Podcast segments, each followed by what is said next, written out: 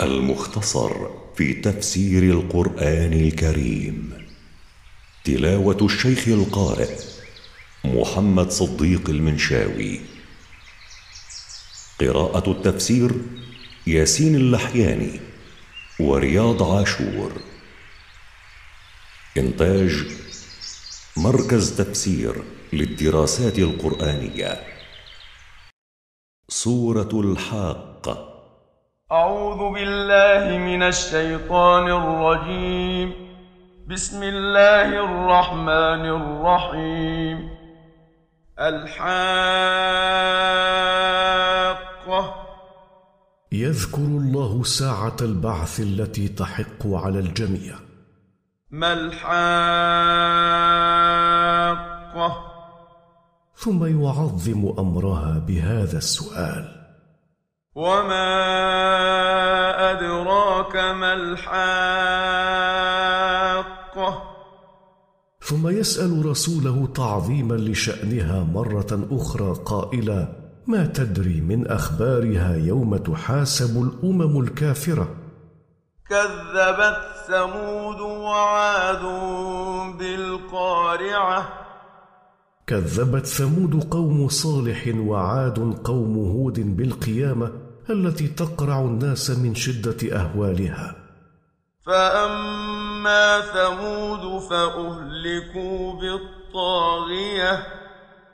فأما ثمود فقد أهلكهم الله بالصيحة التي بلغت الغاية في الشدة والهول. وأما عاد فأهلكوا بريح صرصر عاتية. وأما عاد فقد أهلكهم الله بريح شديدة البرد قاسية بلغت الغاية في القسوة عليهم.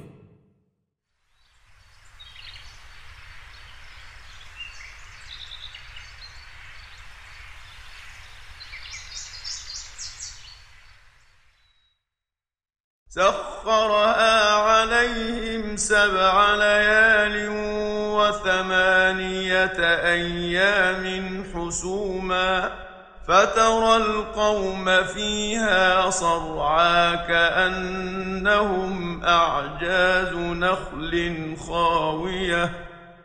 أرسلها الله عليهم مدة سبع ليال وثمانية أيام تفنيهم عن بكرة أبيهم. فترى القوم في ديارهم هلكة مصروعين في الأرض كأنهم بعد إهلاكهم أصول نخل ساقطة على الأرض بالية. فهل ترى لهم من باقية؟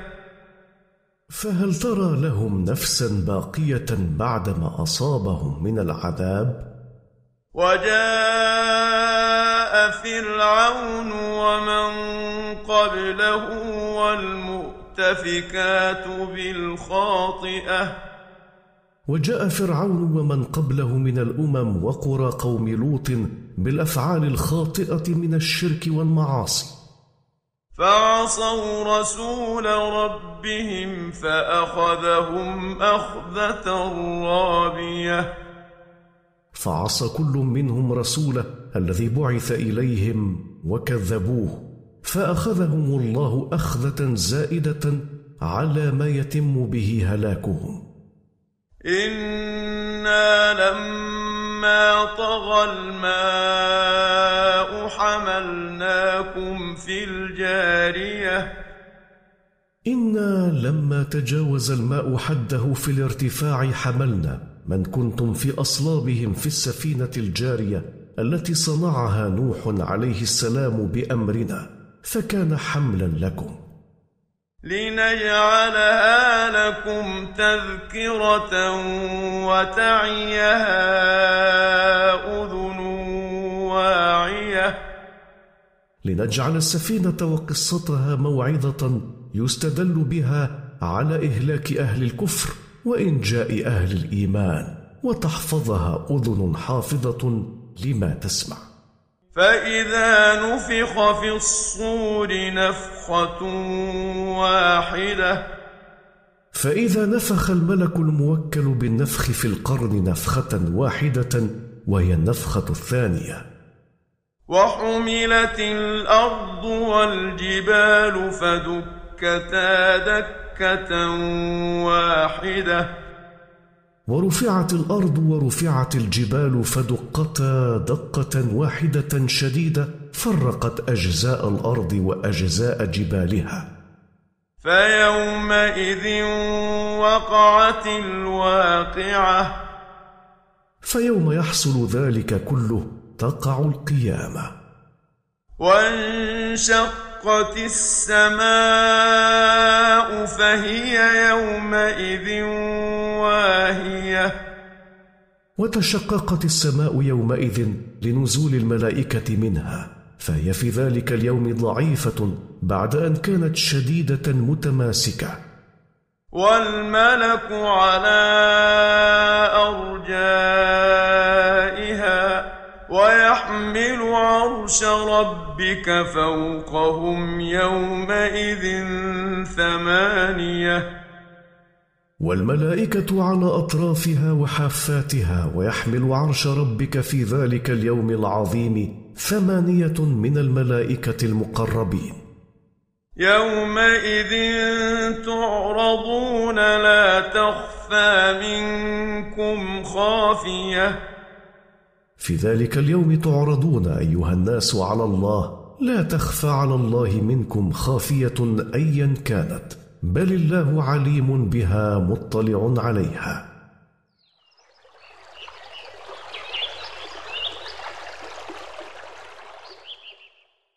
فأما من أوتي كتابه بيمينه فيقول هاؤم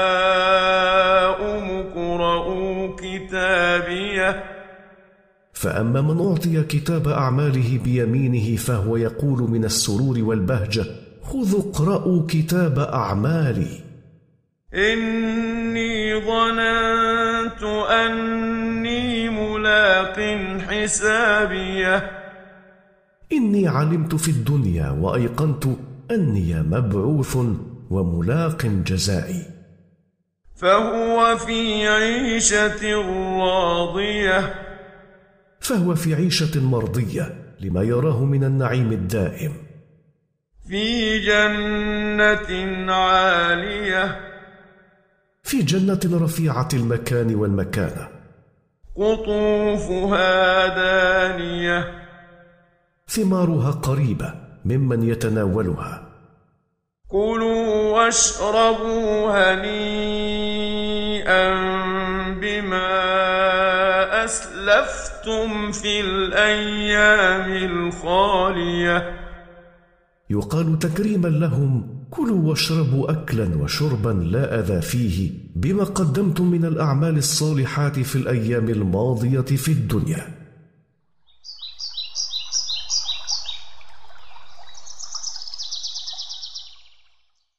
وأما من أوتي كتابه بشماله فيقول يا ليتني لم أوت كتابيه وأما من اعطي كتاب اعماله بشماله فيقول من شده الندم يا ليتني لم اعط كتاب اعمالي لما فيه من الاعمال السيئه المستوجبه لعذابي؟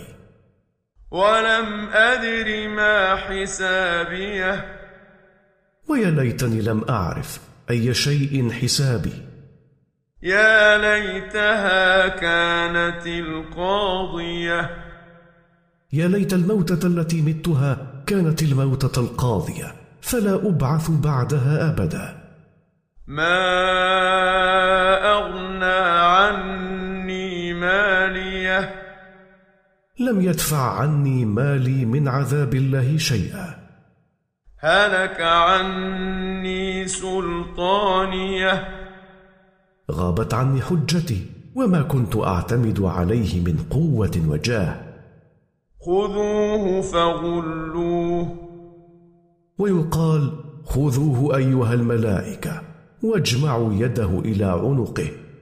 ثم الجحيم صلوه. ثم أدخلوه النار ليعاني حرها. ثم في سلسلة ذرعها سبعون ذراعا فاسلكوه. ثم في سلسلة طولها سبعون ذراعا أدخلوه.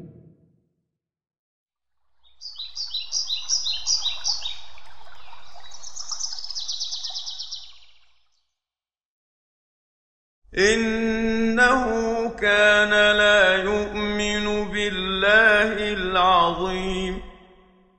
إنه كان لا يؤمن بالله العظيم. ولا يحض على طعام المسكين. ولا يحث غيره على إطعام المسكين. فليس له اليوم هاهنا حميم. فليس له يوم القيامة قريب يدفع عنه العذاب. ولا طعام إلا من غسلين. وليس له طعام يطعمه إلا من عصارة أبدان أهل النار. لا يأكله إلا الخاطئون. لا يأكل ذلك الطعام إلا أصحاب الذنوب والمعاصي. فلا أقسم بما تبصرون. فلا أقسم بما تشاهدون. وما لا تبصرون. ولا أقسم بما لا تشاهدون.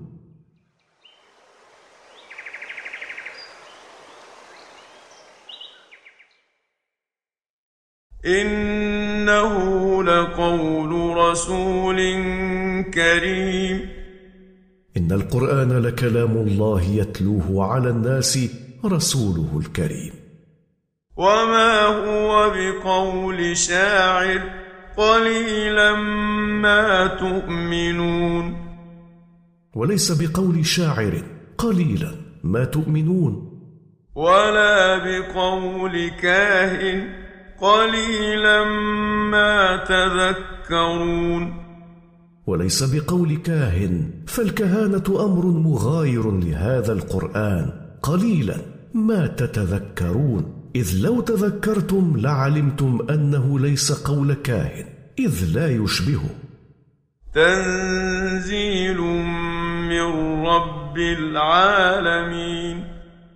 ولكنه منزل من رب الخلائق كلهم. ولو تقول علينا بعض الأقاويل. ولو تقول علينا محمد بعض الأقاويل التي لم نقلها لأخذنا منه باليمين. لانتقمنا منه وأخذنا منه باليمين. ثم لقطعنا منه الوتين. ثم لقطعنا منه العرق المتصل بالقلب. فما منكم من احد عنه حاجزين فليس منكم من يمنعنا منه فبعيد ان يتقول علينا من اجلكم. وانه لتذكره للمتقين وان القران لموعظه للمتقين لربهم بامتثال اوامره واجتناب نواهيه. وأنا لنعلم ان منكم مكذبين وأنا لنعلم ان من بينكم من يكذب بهذا القران وانه لحسره على الكافرين وان التكذيب بالقران لندامه عظيمه يوم القيامه وانه لحق اليقين وان القران لهو حق اليقين الذي لا مريه ولا ريب انه من عند الله فسبح باسم ربك العظيم فنزه ايها الرسول ربك عما لا يليق به واذكر اسم ربك العظيم إنتاج مركز تفسير للدراسات القرآنية.